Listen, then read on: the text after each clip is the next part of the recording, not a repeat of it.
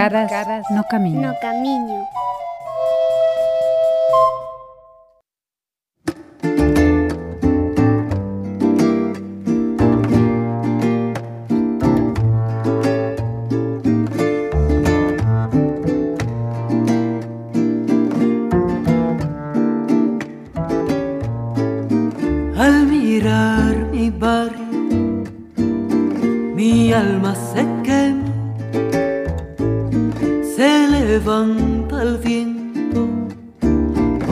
nubes de pum.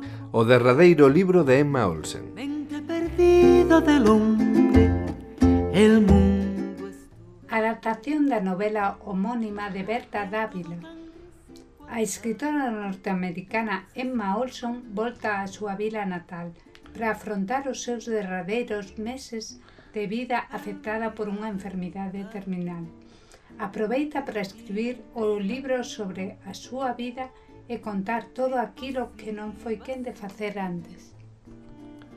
O cómic está baseado na novela de Berta Dávila e ten unha cousa curiosa e é que fai que entender que Emma Olsen foi unha escritora de verdade, incluso aparece unha nota do editor ao principio. Sí, a min engañoume completamente, a min que de verdad.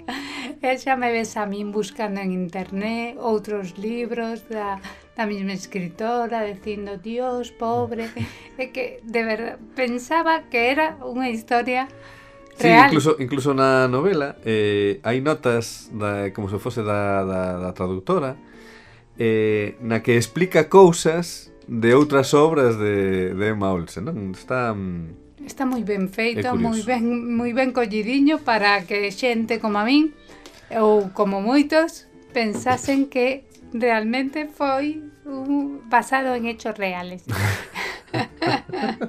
Tal cual. Bueno, o cómic eh, está moi ben. Eu eh. lin antes o cómic e a novela eh, e xa no cómic se ve que é unha moi boa adaptación da novela, porque utiliza eh, distintas cores para distintos momentos, non? O, o momento presente é como mai menos colorido, por así decirlo. Sí. Cando cando volve a a súa o seu, a súa adolescencia, a historia que quere contar, utiliza cores máis cálidos.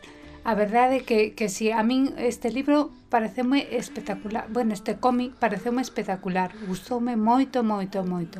Ten un xogo coas viñetas tamén fantástico que marca os tempos, que con, con, Sí, cando, cando fala de cousas que non son propias de historia, pero que eh, complementan a historia, utiliza viñetas máis pequeniñas, eh, máis monocromo, eh, mentras que a outra historia ten máis máis cores, non?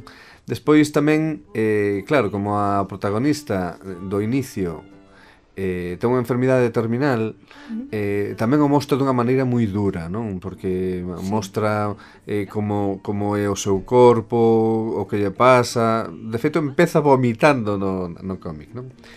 Eh, e aínda así non se fai duro lelo. No, no, é, é, é, a historia é dura pero o, o cómic é moi moi humano e, e te fai acollelo e, eh, e sentirte parte da historia. Mm, mm.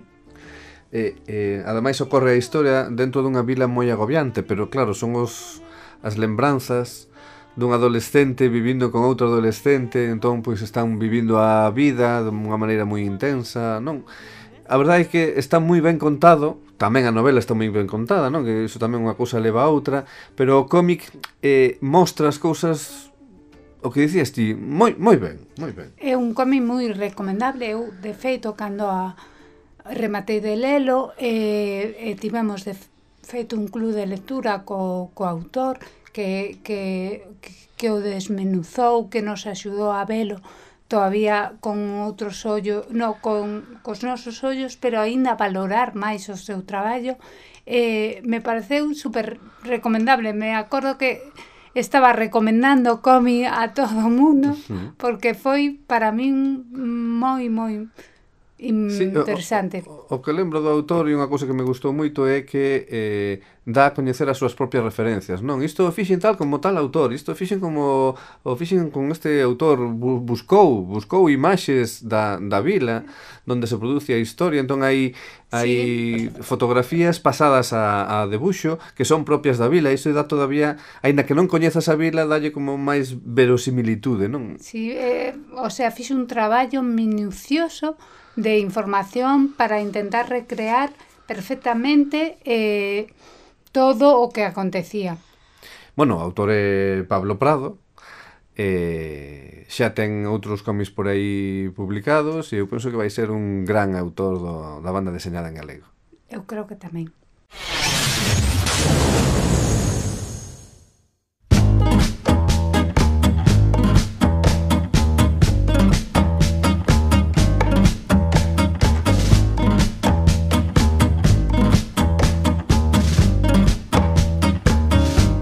Na casa. Du brauchst mir nicht zu sagen, was ich schon lange weiß. Mit Fassung werde ich's tragen. Und hier kommt der Beweis.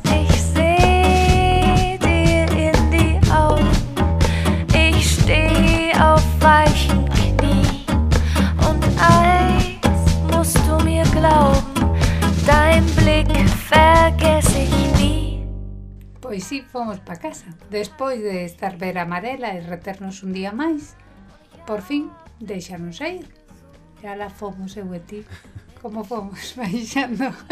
eu lembro perfectamente eh, ese momento de que xa estábamos na, na rúa con, coa nena pequeniña E eu dicía, agora temos que ir con isto para casa. E agora que? Agora que? Dicía, a cara túa e mía foi. Ben, E que?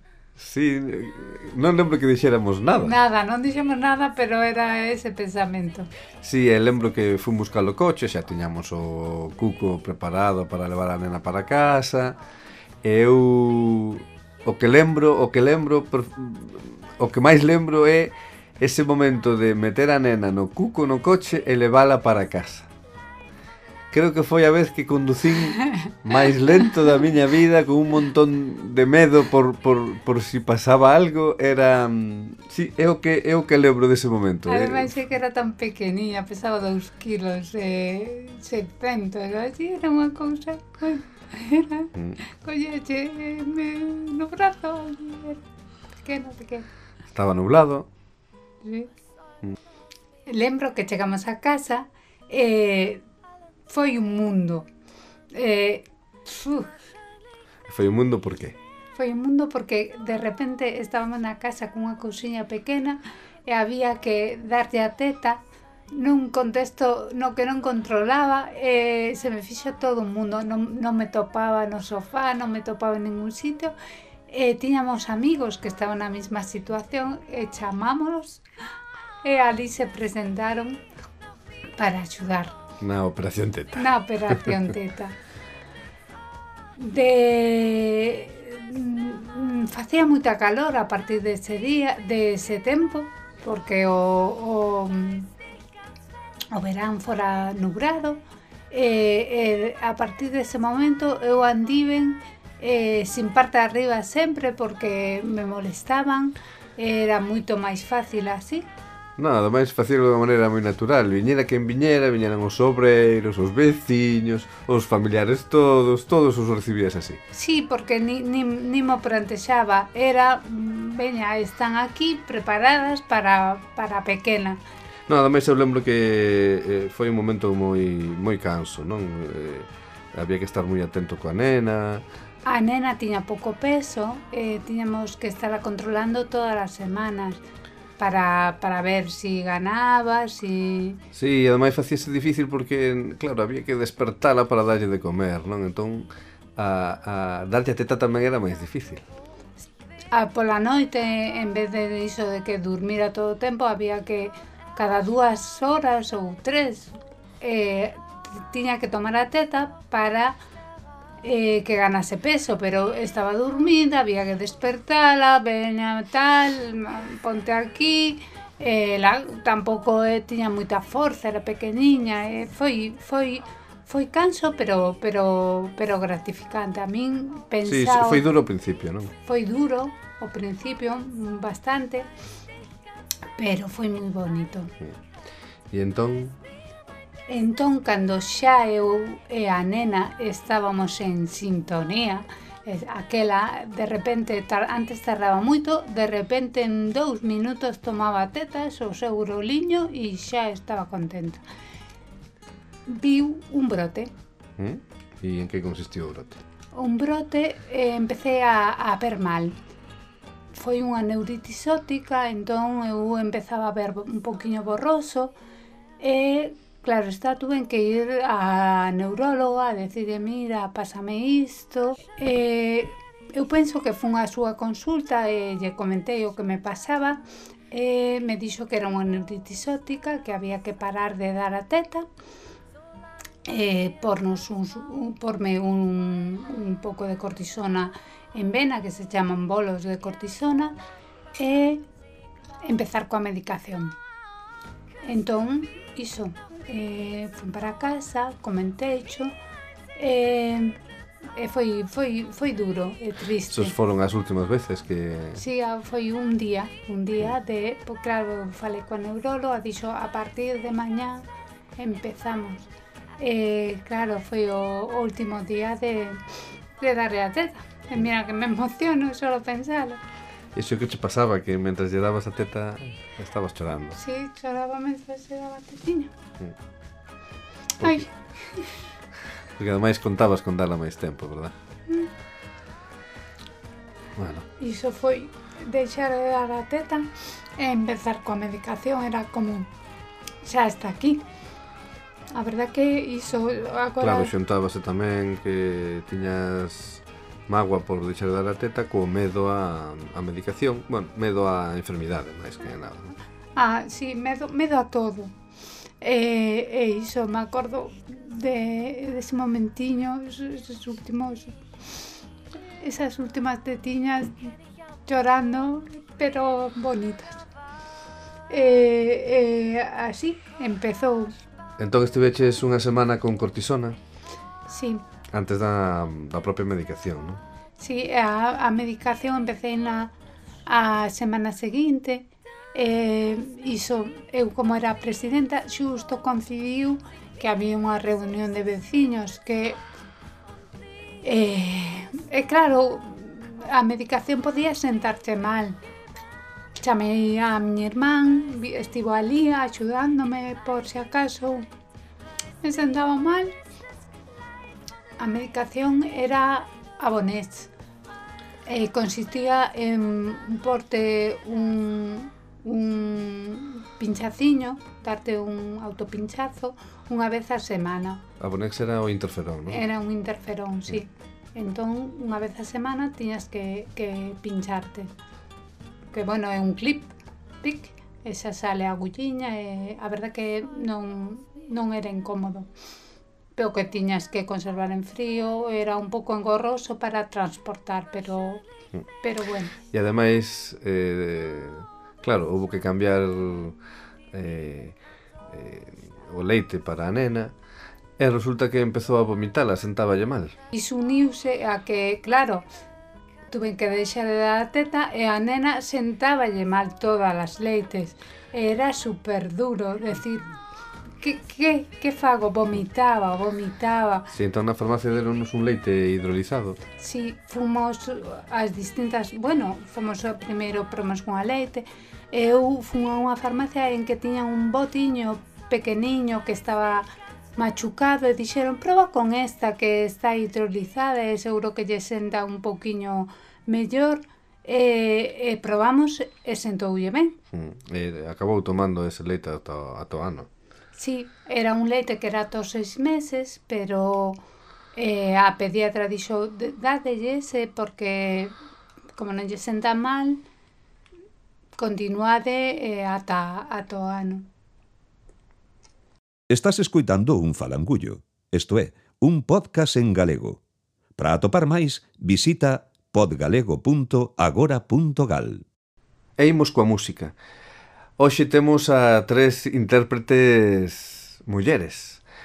Ao principio de todo deste programa escuitamos unha zamba de Marta Toferova e despois escuitamos un tango de Ana Depenbush. E agora imos escuitar eh, de maneira completa eh, o primeiro tema do primeiro disco de Lucía Martínez.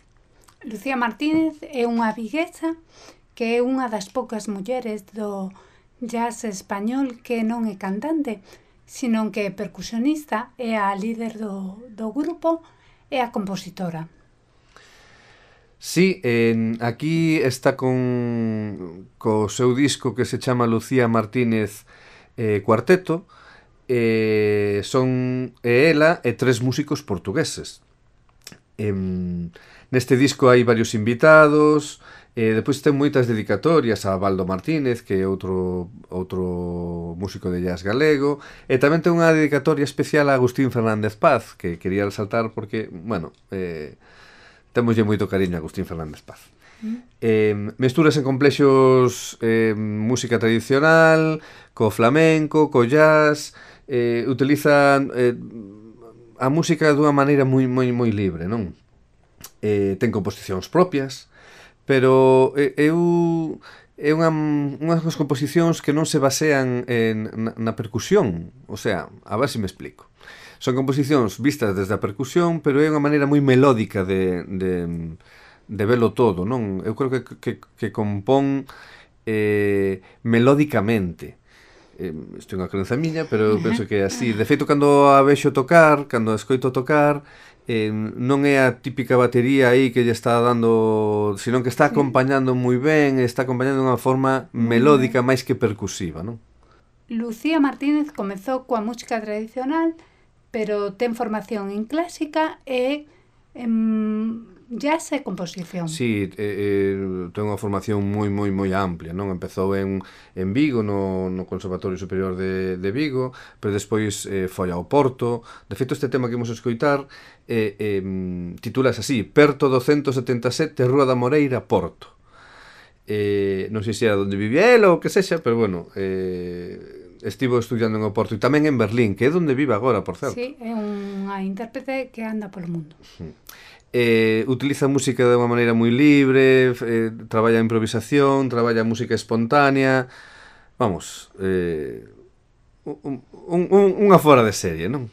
Eu estive unha vez eh, escoitando en directo co seu trío MBM, era máis un trío de Baldo que de Lucía, pero bueno, eh, MBM significa Baldo Martínez, Antonio Bravo e Lucía Martínez. Eh, a vez así é unha rapaza, tal, moi doce, eh, pero en canto se sube ao escenario ten unha enerxía espectacular, que foi o que máis me chamou a atención dela. Así que nada, vamos a escoitar Perto 277, Rúa da Moreira, Porto.